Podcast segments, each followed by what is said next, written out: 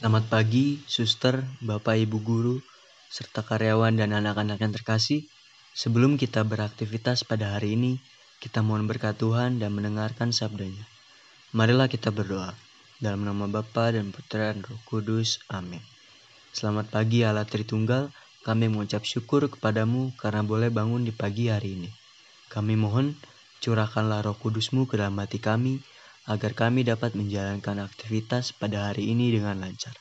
Dengan pengantaran Yesus Kristus Tuhan kami. Amin. Inilah Injil suci menurut Lukas. Dimuliakanlah Tuhan. Pada suatu hari sabat, Yesus datang ke rumah salah seorang pemimpin dari orang-orang Farisi untuk makan di situ.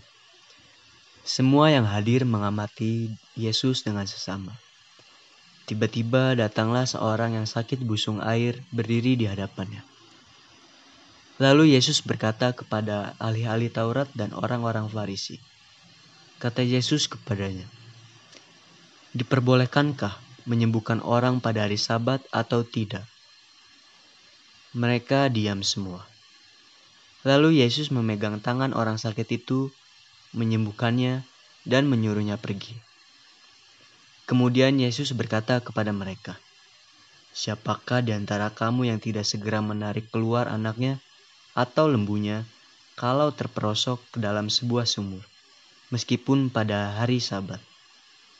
Mereka tidak sanggup membantahnya. Demikianlah Injil Tuhan. Terpujilah Kristus. Selamat pagi, suster, bapak ibu guru, karyawan, dan anak-anak yang terkasih. Pertama-tama mari kita lihat apa itu sabat. Sabat yang berarti dalam bahasa Ibrani sabat. Dimulai dari hari Jumat sore sampai Sabtu sore. Prinsipnya Allah menginginkan manusia menyembahnya secara khusus karena Allah adalah pencipta dan pemelihara kehidupan. Sabat hari ketujuh dalam penciptaan adalah hari yang dikuduskan Allah dan ia berhenti dari segala pekerjaan ciptaan yang telah dibuatnya. Karena itu, Allah pun melarang umatnya bekerja pada hari sabat. Sabat merupakan tanda peringatan antara manusia dengan Allah sebagai perjanjian kekal. Allah memerintahkan manusia agar memelihara hari sabat dan menghukum mati yang melanggarnya. Ini adalah versi perjanjian lama belum digenapkan oleh Yesus. Jadi, pada bacaan Anjil hari ini, hari Sabat masih menggunakan versi Perjanjian Lama. Siapakah di antara kamu yang tidak segera menarik keluar anaknya atau lembunya kalau terperosok ke dalam sebuah sumur, meskipun pada hari Sabat? Kita diajak untuk dapat berbuat baik dalam keadaan apa pun. Dalam hal kasih, Tuhan tidak pernah beristirahat.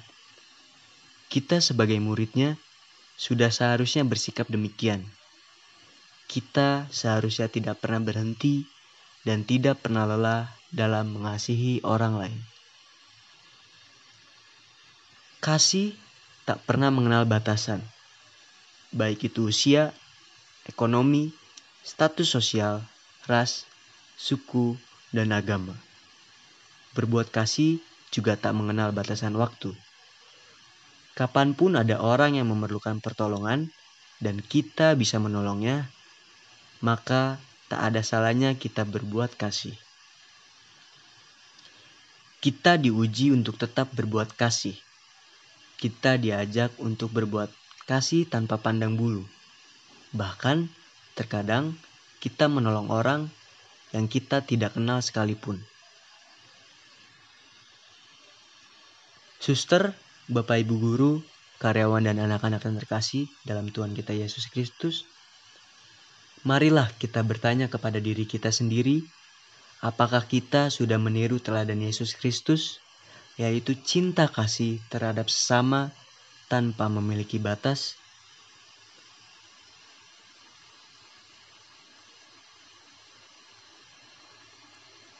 Marilah kita berdoa. Ya Allah yang Maha Kudus, Curahkanlah roh kudusmu ke dalam hati kami, agar kami dapat meneladani ajaran putramu, Tuhan kami Yesus Kristus, yaitu tidak pernah berhenti dan tidak pernah lelah dalam mengasihi sesama. Dalam nama Bapa dan Putra dan Roh Kudus. Amin.